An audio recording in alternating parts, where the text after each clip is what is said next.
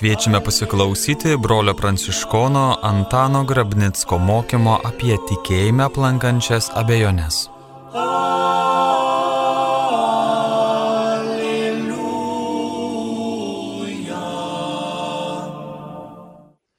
Tikėjimas ir abejonė. Mielas broli, miela sesė, kviečiu pamastyti ir įvertinti abejonės, kurios kartais kyla tikėjimo kelyje. Privalu įsiaiškinti, kokią reikšmę ir kokią įtaką abejonės turi mano tikėjimui ir mano gyvenimui. Pradedu nuo klausimo. Jeigu pajuntu savo širdyje abejonę, pavyzdžiui, kad ir Dievo buvimu, ar tai didelė blogybė? Sakau ne. Blogybės nėra. Tai Dievo leistas gundimas, kad šauktumės jo pagalbos ir nugalėtum abejonę. Kitaip tariant, tai raginimas pasidomėti. Kiekvienas žmogus turi savitą tikėjimo ir Dievo pažinimo kelią. Tačiau pirminiai Dievo pažinimo šaltiniai dažniausiai tie patys - tai šventas raštas, katekizmas ir malda. Suvokimas savo širdie tikėjimo abejonės ar nerimo - tai paties Dievo kvietimas pradėti tikėjimo kelionę. Kviečiu nors truputį pakeliauti su manimi. Jeigu mums bus pakeliui, galėsime kartu šlovinti Dievą. Pirmiausiai kviečiu įvertinti mūsų žmogišką prigimtį. Žmogus gimsta nieko nemokėdamas. Pavyzdžiui, išperėtų ančiukų nereikia mokyti plaukti. Net jeigu ančiukus išperėtų višta ir mokytų kapstyti žemę, lesti žvyro akmenėlius, ji nepajėgs pakeisti jų instinkto. Jie vis tiek žnaibys tą kažolę ir vos pamatę vandenį šoks į jį ir plaukios. Nors višta tuo metu lakstytų kudakuodama aplink tvenkinį skelbdama pavojų. Deja žmogus to neturi, jis gimsta visiškai nesavarankiškas. Ir labiausiai iš visų gyvų sutvėrimų, pirmosiomis gyvenime dienomis reikalingas ypatingos globos ir pagalbos. Žmogaus kūdikis gimsta daug mažiau išsivystęs nei gyvūnų jaunikliai. Jis moka tik tai rėkti ir čiulpti pieną. O gyvūnų, tokių pavyzdžiui kaip šunys, beždžionės, žirafos ar arkliai, jaunikliai moka šliaužioti, įsikipti ar net iškart atsistoti ant kojų. Jei bet kurio gyvūno palikuonio smegenys praktiškai susiformuoja iki gimimo, tai žmogaus naujagimio smegenys yra tarsi tuščias popieriaus lapas. Nuo to, kas bus įrašyta šiame lape, priklauso, kiek gabus ir išprusęs tap žmogus. Gimę mes mokomės ne tik vaikščioti, kalbėti, hygienos dalykų, bet taip pat ir tikėjimo dalykų, o ypač mylėti. Ne vienas negimstame mokėdami vairuoti automobilį ir panašiai. Taigi tikėjimo bejonės suvokimas ar to, kad aš kažko nežinau, nėra blogis. Blogis būtų ir toliau pasilikti nežinojime. Kitaip tariant, nesigilinti ir neatsiliepti į raginimą pažinti.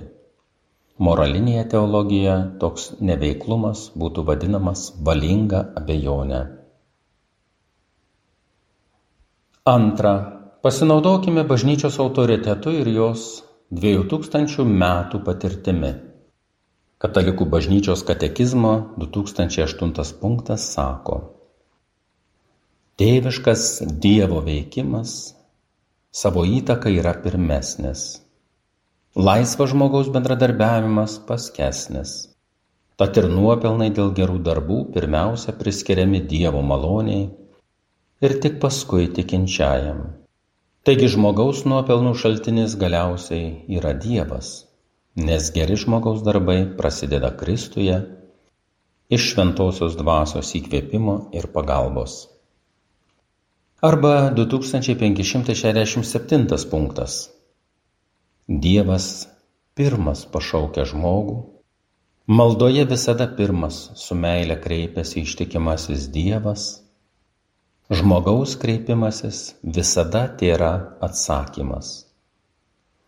Kuo labiau apsireiškia Dievas ir leidžia žmogui pačiam save pažinti, tuo labiau malda tampa abipusių šauksmų ir sandoros drama į kurią žodžiais ir veiksmais įsijungia širdis. Iš to, kas pasakyta, aišku, kad mūsų mintys gali būti įtakotos iš šalies tiek Dievo, tiek žmonių, tiek gundytojo. Tad abejonė ar savotiškas nerimas yra ženklas pasirūpinti žiniomis ir pašalinti abejonę. Taigi Dievas visada mūsų širdyje prabyla pirmas, o mes Kaip beapsispręstume, tik atsakome.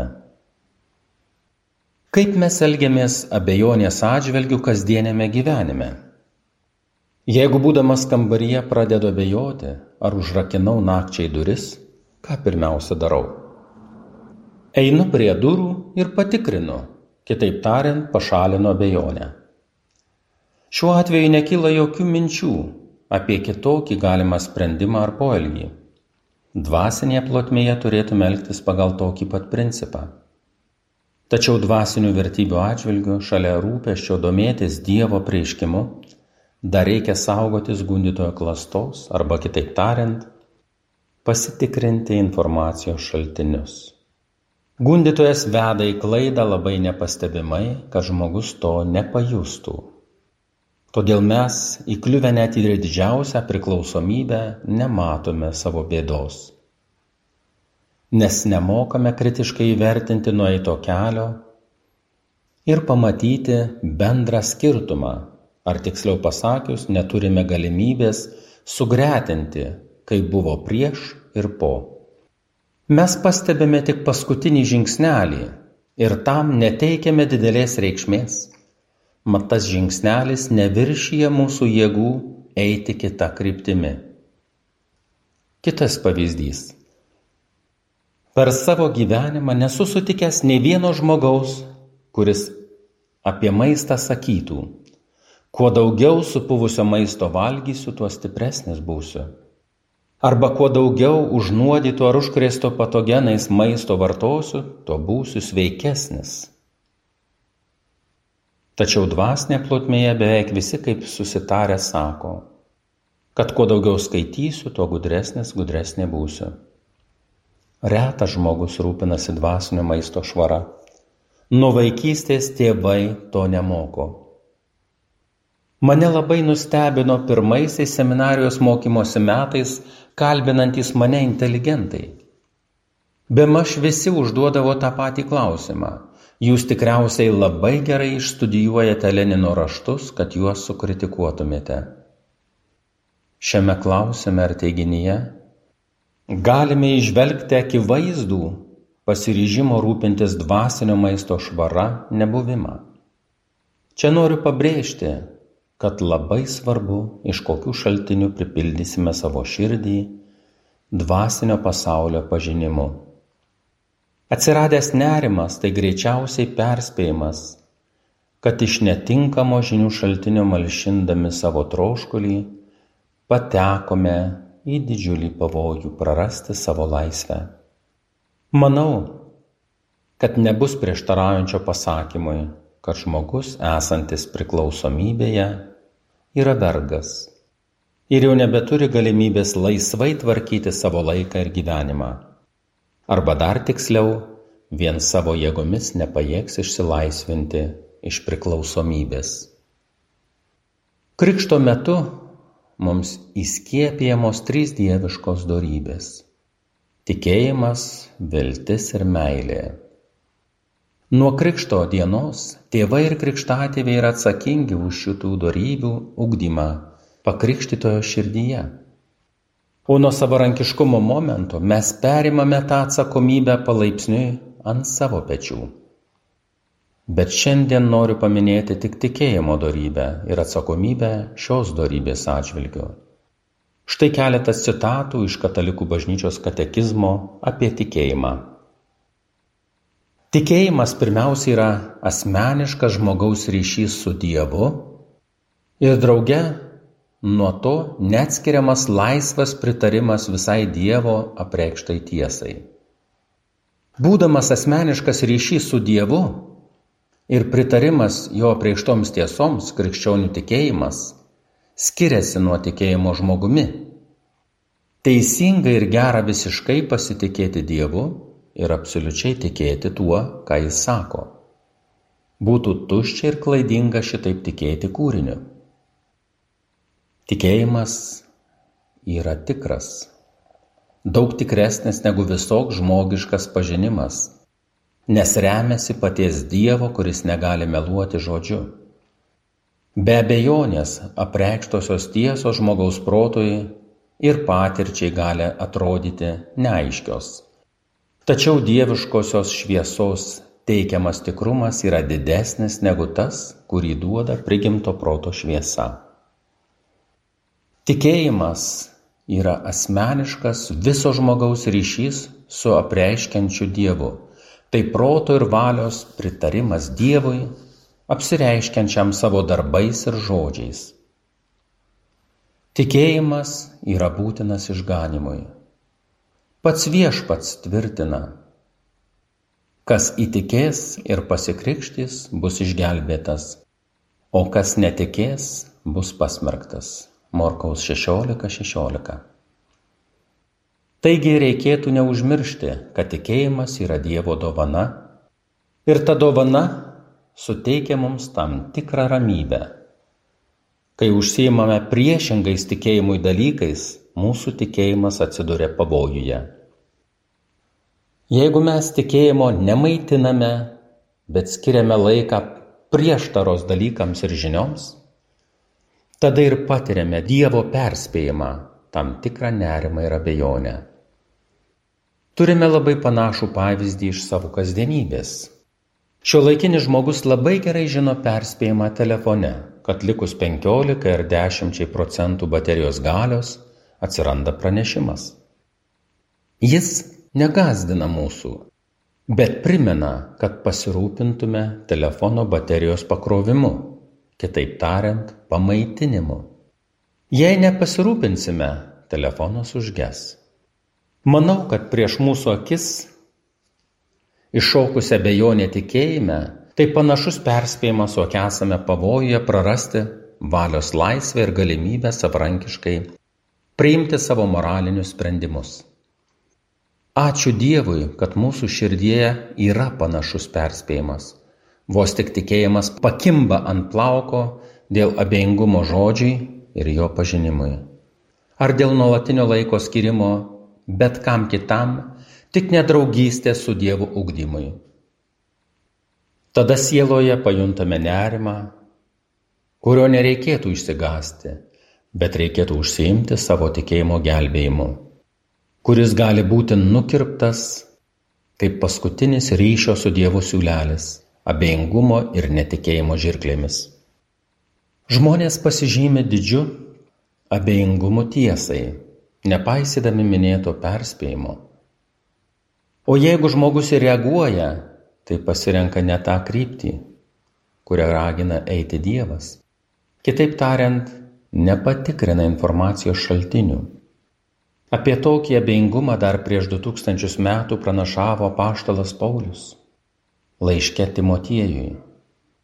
Ateis toks laikas, kai žmonės nebepakęs sveiko mokslo, bet pasidavę savo įgėdžiams susivadins savo mokytojų krūvą, kad tiedus gentų ausyse, jie nukreips ausis nuo tiesos, o atvers pasakoms. Šie paštalo Pauliaus žodžiai atskleidžia nesažiningų mokslininkų klastą. Labai skaudu, kad daugelis šių dienų mokslininkų pateikia įvairias hipotezes mokslo vardu. Ir daugybę žmonių suklaidina ir apgauna juk hipotezė ne mokslas o tik spėlionė ir bandymas pakeisti iš dieviškų šaltinių gaunamas tiesas kitų šaltinių tiesomis Mielas brolis sesė. Kaip rūpinėsi maisto švara ir ekologiškumu, taip kviečiu tuo pačiu uolumu rūpintis tikėjimo ugdymu ir dvasinio maisto švara. Sudė.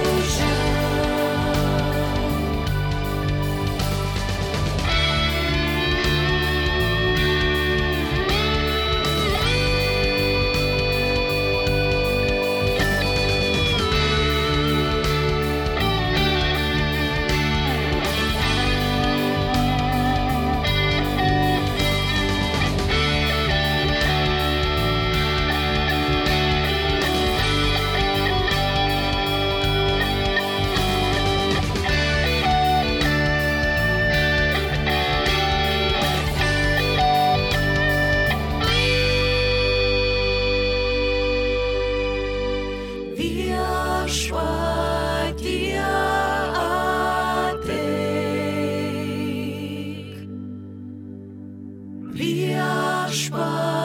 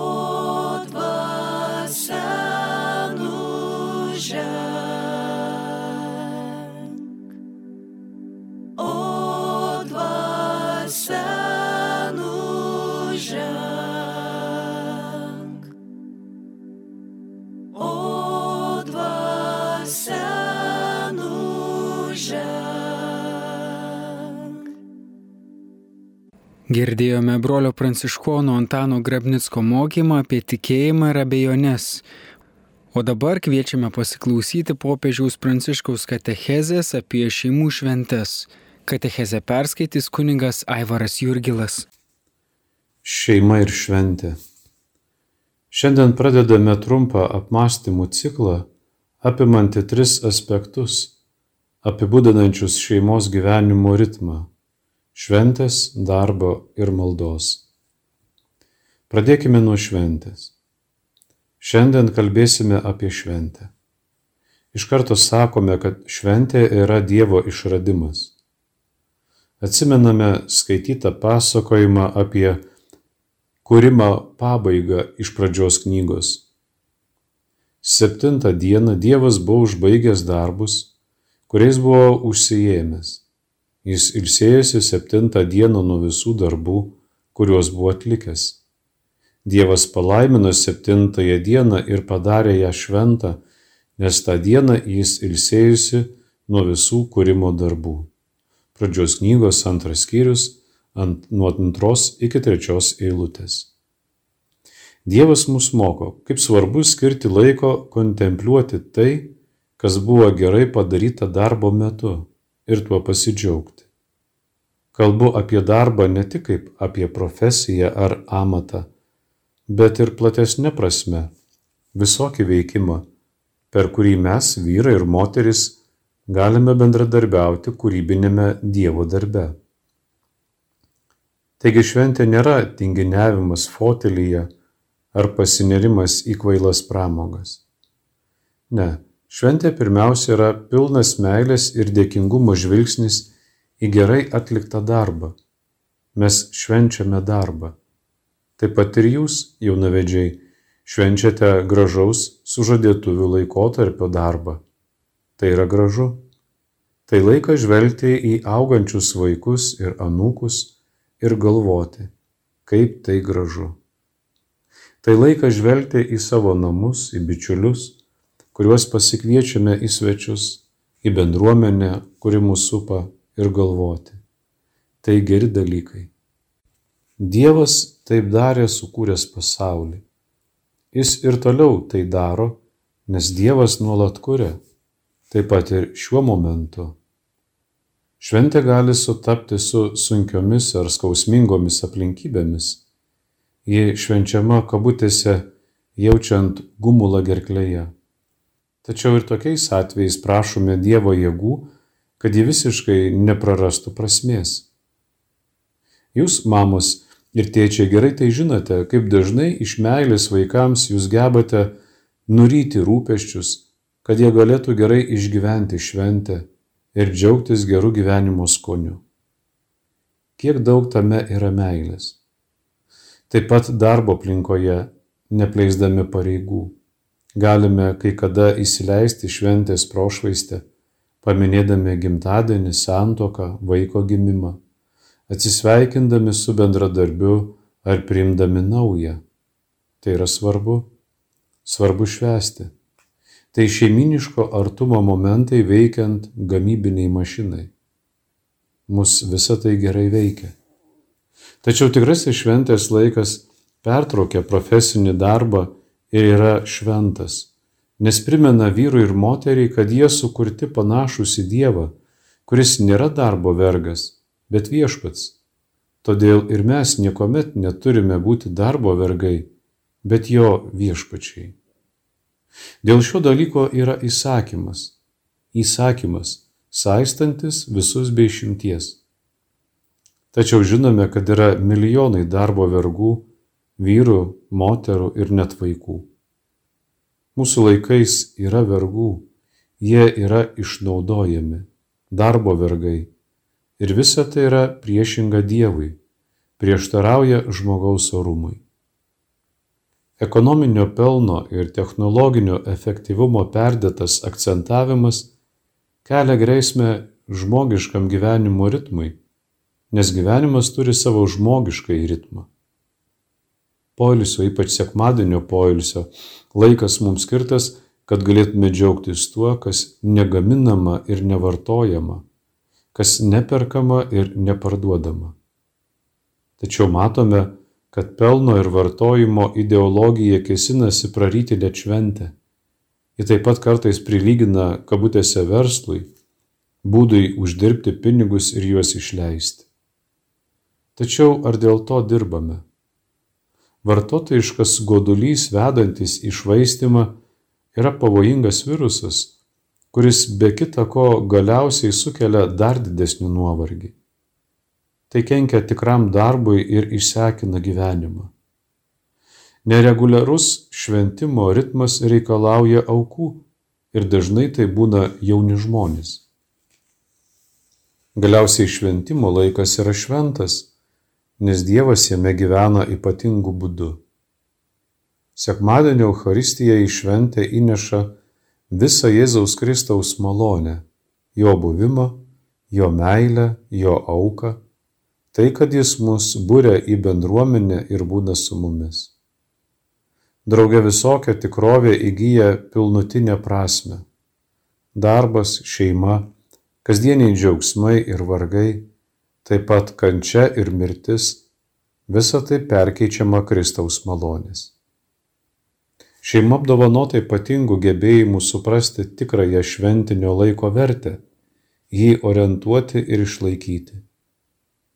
Kokios gražios šventės šeimoje, jos nuostabiai gražios, ypač sekmadieniai.